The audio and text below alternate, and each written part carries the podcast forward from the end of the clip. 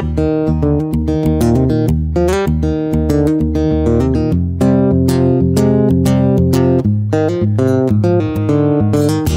is De Oversteek, een podcastserie over ondernemen in de Verenigde Staten. Want wie wil dat nou niet? In een serie van zeven podcasts verken ik Amerika vanuit zakelijk perspectief. En dat doe ik in New York, het financiële hart van de wereld. Ik praat daar met Nederlandse bedrijven die de oversteek hebben gewaagd.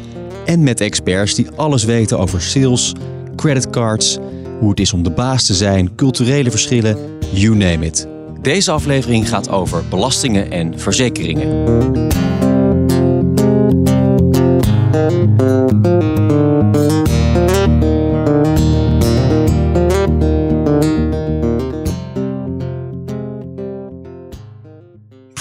Belastingen en verzekeringen. Dan denk je, ja, dat wordt een pittige aflevering. Maar niks is minder waar. Dit is namelijk de leukste aflevering uit de serie. Of nou ja, deze aflevering heeft in ieder geval Johnny Cash. They say everybody's got different problems. Well, maybe so, but I've got a song about one problem that every one of us have, and that's taxes. after tax. You can dream about vacations in the sun. Can dream, but you have.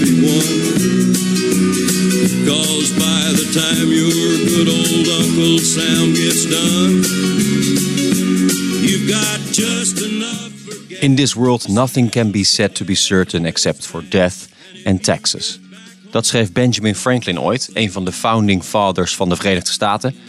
En zoals mijn belastingadviseur altijd zegt, wees blij dat je belasting betaalt, want dat betekent dat je daadwerkelijk omzet maakt. Maar zoals veel zakelijke zaken in Amerika werkt het daar toch net iets anders. Je hoort Hans van Loenen, belastingexpert bij RSM Nederland. Overal waar je een bedrijf opent, snap je dat je iets moet doen met belastingen. Maar in Amerika is het net iets anders, veel formeler.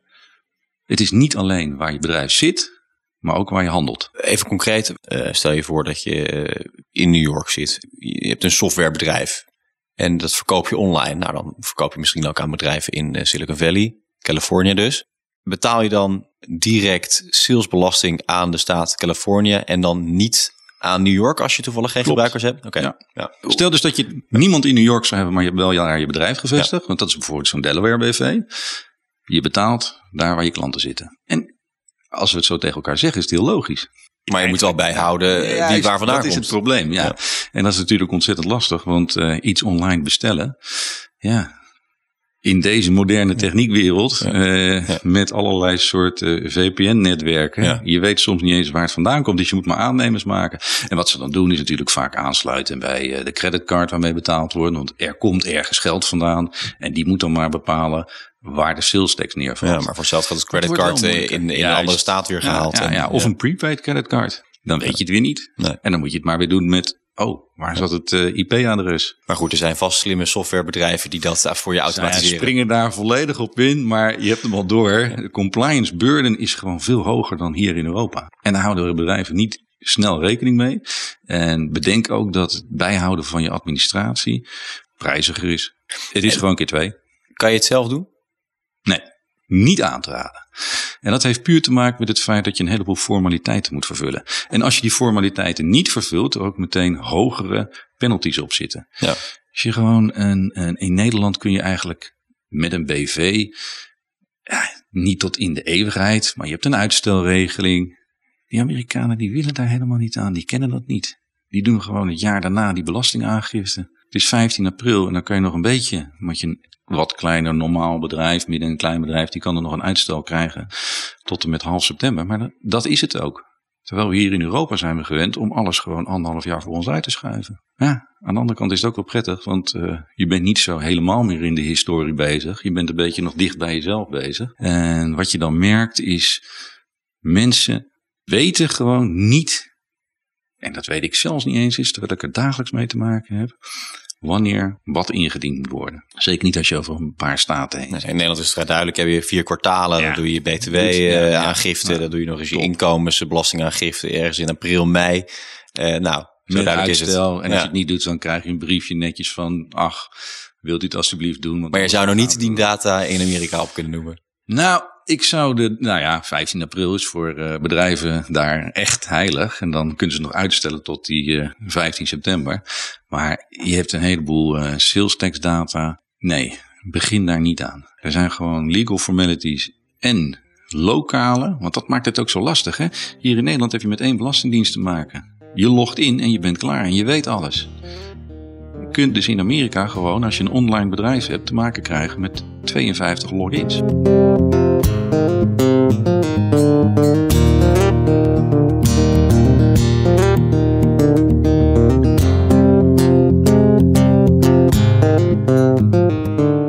Nu snap ik, hè, het is de, de Verenigde Staten van Amerika. Het zijn eigenlijk allemaal afzonderlijke landjes. Maar waarom is er niet één belastingssysteem en één inlog? Ja, omdat iedere staat uh, autonoom geld wil innen. Iedere staat wil gewoon dat kunnen nemen wat ze nodig hebben. En de een heeft meer nodig dan de ander. En je ziet dat nu uh, de Oost- en de Westkust, die hebben uh, ja, meer geld nodig. En dan zul je dus ook zien dat daar de sales tax, wat uiteindelijk een hele makkelijk is om te verhogen. Je kunt die corporate tax niet zomaar verhogen. Dus wat ga je doen? Je gaat je lokale belastingen omhoog Hetzelfde als in Amsterdam. Ja. ja. ik geloof dat het... Dus, dus als je in New York zit of in Californië, dan betaal je gewoon meer sales tax. Ja. Ja. En er zijn zelfs staten waar je niks betaalt.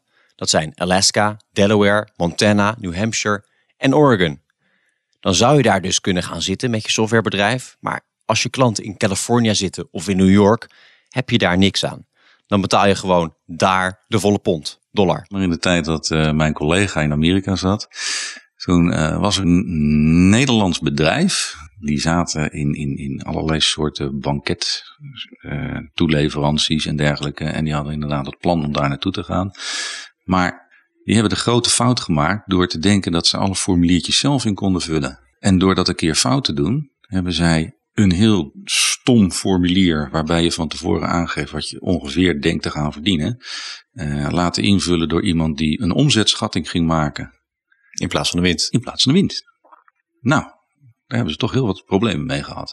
En dan krijg je te maken met in Nederland twee telefoontjes. Je bent klaar. Je bent toch een beetje gewend aan hoe dat dan in elkaar steekt. Daar is het, nee, formeel, nee, je betaalt nu en je krijgt het dan daarna wel terug.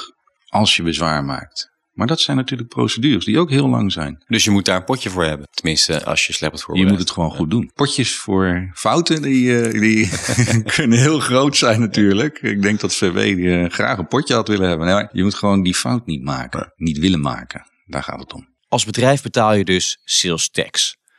Maar je betaalt als persoon ook belastingen. Tenminste, als je er een minimaal aantal dagen per jaar verblijft. Dat weet ook Jan Joosten van Baker McKenzie. Een van de aandachtspunten is op te letten of je niet ineens Amerikaans fiscaal inwoner wordt. Uh, want dat is behoorlijk tricky. En daar is een ingewikkelde formule voor. Die kan je op het internet uh, vinden. Maar in feite is de vraag of je in het huidige jaar en de twee jaar daarvoor uh, tenminste 183 dagen in de Verenigde Staten bent geweest. En daarbij tellen alle dagen in het lopende jaar één op één. Van het jaar daarvoor 1 op 3 en van het jaar daarvoor 1 op 6. Um, maar dat moet je dus goed in de gaten houden. Want je kan dus ineens in je enthousiasme om zaken te doen in Amerika worden gezien als Amerikaans fiscaal inwoner. Nou, en dat is iets wat ik toch een aantal keren heb zien uh, gebeuren. Het traject is vaak dat uh, je begint met zaken doen in Amerika. Dan ga je misschien één keer per maand een paar dagen. En dan is het al snel dat je iedere, uh, iedere maand een week gaat. En dan ga je iedere maand twee weken. Nou, en de luisteraars kunnen vast sneller rekenen dan ik. Maar dan zit je dus al heel snel aan deze dagentermijn. En op dat moment ben je dus ineens fiscaal inwoner geworden. Nou, als jij verder geen inkomen hebt en geen bezittingen, is dat geen probleem. Maar als je wel bezittingen hebt, dan is dat zeker een probleem. Als je bijvoorbeeld een succesvolle Nederlandse ondernemer bent met een hele uh, slim doordachte fiscale structuur in Nederland, met onroerend goed, uh, uh, wordt privé gehouden, want dan zit het lekker in box 3. Uh, en alle bedrijfsmatige activiteiten zitten in allemaal verschillende BV's. En er zijn misschien ook nog andere aandeelhouders bij betrokken. Het is vaak allemaal redelijk complex. Op het moment dat je dan ineens Amerikaans fiscaal inwoner wordt, dan valt dat fiscale kaartenhuis volkomen in duigen. Nou, en dat is iets heel belangrijks om in de gaten te houden, waar van tevoren uh, goed over nagedacht moet worden van zowel de Nederlandse fiscale kant als de Amerikaanse fiscale kant. Uh, voor een deel kunnen we de pijn niet vermijden, maar voor een deel uh, zijn daar best oplossingen voor, voor te vinden. Tot zover belastingen. Dan verzekeringen. En bij Amerika en verzekeringen denk je misschien al snel aan die grote claims waar je je tegen moet wapenen. Die claims die kunnen volgen uit productaansprakelijkheid, product liability. Ja, en we kennen dan vooral de spookverhalen. There is nothing worse than buying something and it doesn't do what it says it does, or even worse, it harms you. From blenders to baby toys, if a product is not safe and you or a loved one is hurt, you have rights. Product liability refers to a manufacturer or seller being held liable for placing a defective product that causes injury into the hands of a consumer. PG&E, supplying power and gas to 16 million, plans to file for Chapter 11 as it faces billions in potential from. De kans dat je een natuurbrand veroorzaakt is natuurlijk klein. Toch is het verstandig je goed te verzekeren. Maar er zijn zoveel verzekeringen in Amerika. Waar te beginnen? Susan Komps van Komps Company helpt Nederlandse bedrijven en ondernemers aan de juiste verzekeringen en verzorgt speciaal voor u hier in deze podcast een stoomcursus Amerikaanse verzekeringen. Maar laten we beginnen met een van de belangrijkste verzekeringen: de gezondheidsverzekering, de zorgverzekering, health insurance. The one thing that we always talk about with our clients is don't um, set yourself up for failure. And what I mean by that is in the United States, nobody pays 100% of the health insurance. The employer never pays 100% anymore, unless you're, say, like a nonprofit or you're an old school law firm that's been doing it for 50 years and you can't get away from it. That's not normal. So that's usually, I would say, average um, 75% uh, of the cost is where the employers pick up. We see lower like 50%. And then I would say the highest our clients pay, and we have, you know, hundreds and hundreds of clients, um, would say 85%. In the United States, we have, I don't know about the Netherlands, but we had like a choose your own adventure book. So when you're starting out, you can kind of say, okay, this is what we're going to do. You can always scale up, but it's hard to go down. In the Netherlands, we often hear about uh, the big claims in the United States. Uh, we like to sue people. yeah, especially when it comes to uh, product liability. Yes. Is that something uh, you should worry about as an entrepreneur going to the United States? So, one of the things that we look at is, you know, usually our clients that come over from the Netherlands, they they have their own insurance in their home country, right? But for them to extend the liability over to the United States, it typically costs anywhere from 3 to 5 times more money than just insuring the US operation. And that's due to what you were alluding to is because we're a very litigious society over in the United States and we require much higher limits. So maybe in the Netherlands, you might have 75,000 in euros on your limits. In the United States, you can't really get in the door for under a million dollars in your limits. So, um, what we've seen is by just ensuring the US operation, you can really control your costs because you're going to cover, you know, if we're talking about general liability, there's different components there. And so, one of the biggest components is product liability. So, if somebody's manufacturing a product and they're going to be selling in the United States, then looking at just insuring it in the United States, if there's nothing that prohibits you from doing that in your home country, then that's usually the best way to go. Dan is er ook nog professional liability. Bijvoorbeeld als je advies geeft, als je iets ontwerpt of een strategische dienst levert. En dan heb je ook nog general liability. So, uh, general liability sometimes we refer, refer to as trip and fall coverage. So, if somebody's coming into your space and visiting you for a meeting, and on the way out the door they trip over a cord, they break their leg, they have to go to the hospital. That's what general liability is going to pick up. And general liability is also going to cover business interruption. So, with business interruption, say that office building that you're in goes up into flames. So you lose everything and you have to go out and buy new computers. You have to go temporarily rent a space in a different location. Um, business interruption is going to provide you with a percentage of your sales for however many months you were displaced. For example, like me as an insurance broker, you know, I'm paid for my advice and my strategy. I have to have licenses and things of that nature. So errors and omission is my main exposure. However, I have an office space. I have two office spaces actually. So I have general liability because I have clients that come in. Um, so, and I also have property. So I have, you know, the desks and the computers and, you know, so if something happened, I want to be made whole in that aspect too. En niet te vergeten, life insurances. A lot of times what we've seen is when somebody comes to the United States, um, they might send over one of their key executives or one of their rock star salespeople, right? So, what happens to the company if they get hit by a New York City bus? In a perfect world, if you had unlimited budget, it's a, a smart thing to look at. Um, however, it's not required. Last but not least, workers' compensation. Niet overal verplicht trouwens. So in the United States, the only state that doesn't require workers' compensation is Texas. So if you're opening a shop in Texas, you don't have to have workers' comp, but it's still a good idea. So workers' compensation is required by law in every single other state. And what that does is it, it covers the employee if they're injured or become ill because of work. So that could be, you know, that trip and, trip and fall we talked about earlier. Well, what if that's an employee that trips and falls and then they have to have surgery on their knee and then they're going to be out of work for a month? Workers' compensation is going to cover, um, you know, a portion of their um, you know, their salary and then eh, um, if there's any legal fees, medical fees, things like that. Um, and again, it, that's the one that I tell people, man, if you don't remember anything else, remember that before you put your first person on United States payroll, you have to have that in place because it's in New York. It's about a $3,000 fine for every 10 days you don't have coverage. En nog even terug naar dat product liability, productaansprakelijkheid. Want zijn die spookverhalen nou waar? Hoe groot is de kans dat je daadwerkelijk te maken krijgt met die megaclaims?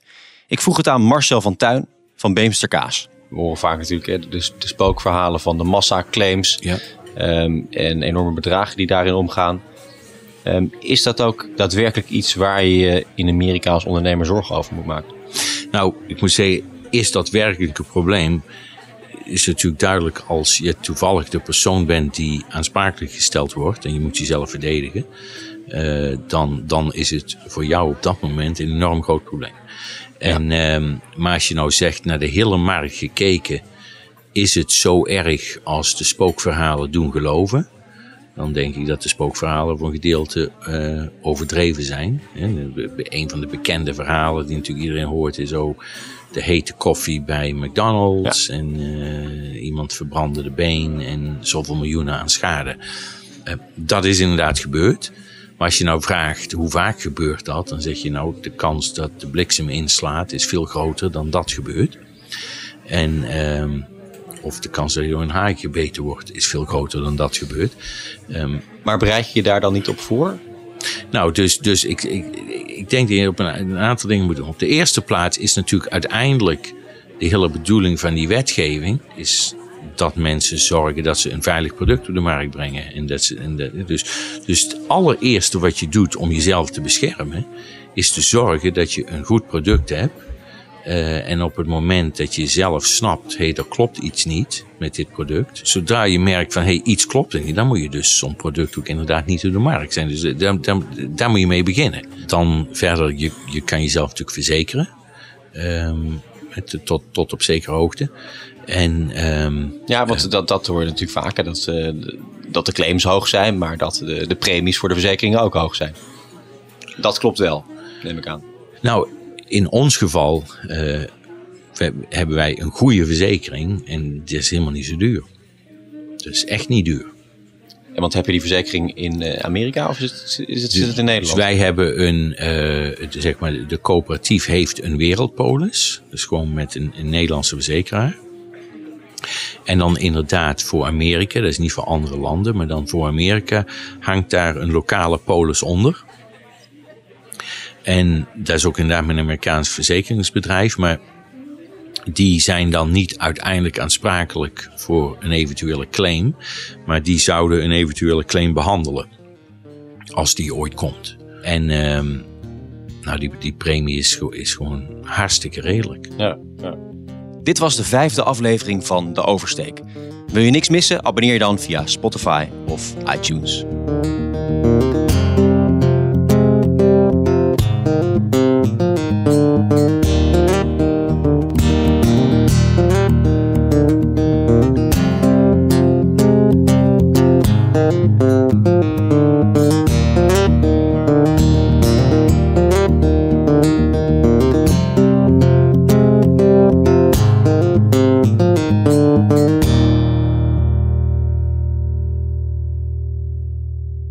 Deze podcast wordt gesponsord door Rabobank, Baker McKenzie, RSM Nederland en TAPS.